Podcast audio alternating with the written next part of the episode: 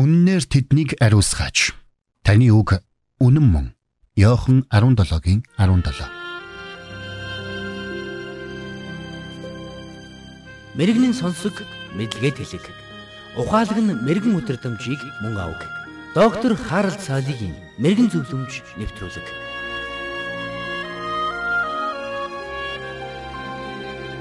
Нэгэн цагт бурхангүй үзэлтэн байсан ч Христ итгэлийг өмгөөлөгч болон өөрчлөгдсөн Жош Макдауэл 1400 гаруй залуусын дунд Библиэтэй холбоотой судалгаа явуулжээ. Жош тэдгээр залуусаас Библиэд итгэдэг эсхийг асуугаад хэрвээ тийм гэж хариулсан бол яагаад гэсэн асуултыг тэдэнд тавьсан байна. Уг асуултад залуус 50 гаруй янзаар хариулсан ч тэдний дундаас нэг л хүн үнэн зөв, уул суурьтай хариултыг өгч чадсан байна. Тэрээр өөр нэгэн удаа 250 гаруй ахлах ангийн сурагчдад яриа хийхээр өргөджээ. Тэгээд тэр танхимд орж ирээд үеийнхнийгээ манлайлдаг байрын нэгэн хүүгээс ингэж асууж. Энэ Библийг чи бурхны үг гэдэгт итгэдэг үү? Сурагч. Тийм ээ. Чи энд бичигдсэн бүхэн үнэн гэдэгт итгэдэг үү? Тийм. Библиэд бичигдсэн бүхэн түүхийн хувьд оновчтой гэдэгт чи итгэдэг үү? Тийм ээ. Жош дууга намсхан. Яагаад гэж асуухад мөнөөх сурагч хариулж чадалгүй таг зогссон гэдэг.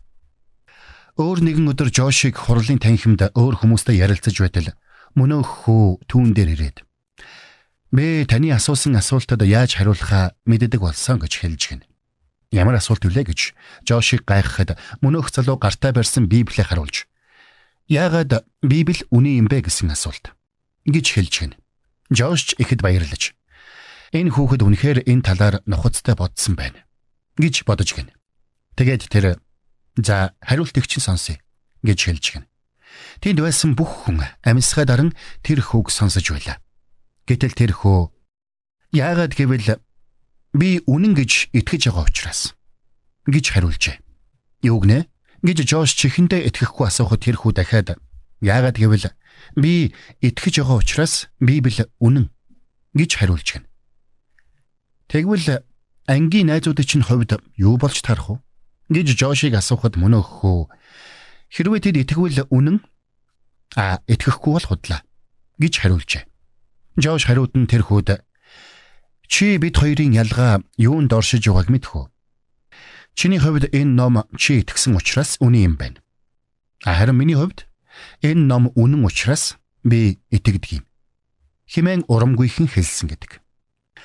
Тэр хүүгийн хувьд өөрийнх нь оюун санаа бурхны үгийг үнэн эсхийг шийддэг мэтэр ойлгосон байна. Тэгвэл таны хувьд юу гэж боддог вэ? Та итгэдэг учраас Библи үнэн үү? Эсвэл Библи үнэн учраас та итгэдэг үү? Аливаа зүйлийг үнэн эсхийг яг юу тодорхойлдог юм бэ?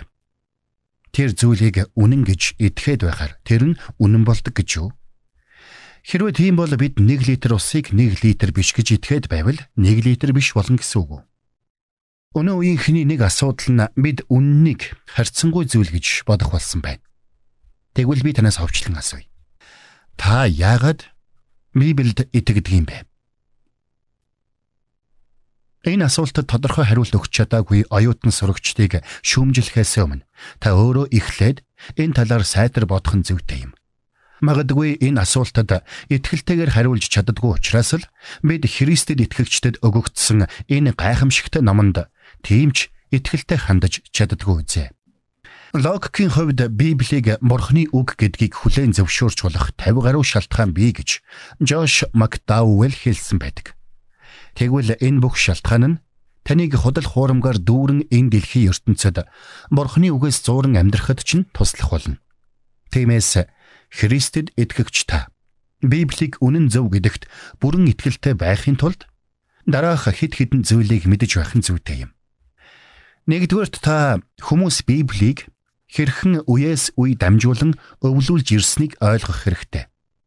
Хоёрдугаарт Библийн иш үзүүлэлгүүдийн талаар тодорхой ойлголттой байх хэрэгтэй.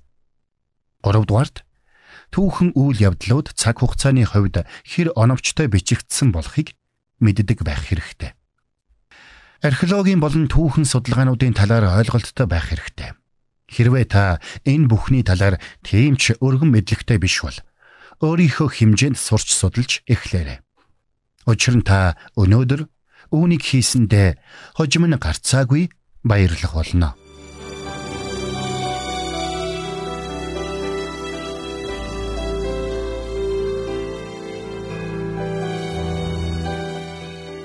Мэргэн нэгнийг дагуул мэргэн, мулгуутай нөхөрлөл хорлол. Доктор Харалт цайлигийн мэрэгэн зөвлөмж нэвтрүүлэг танд хүрэлээ.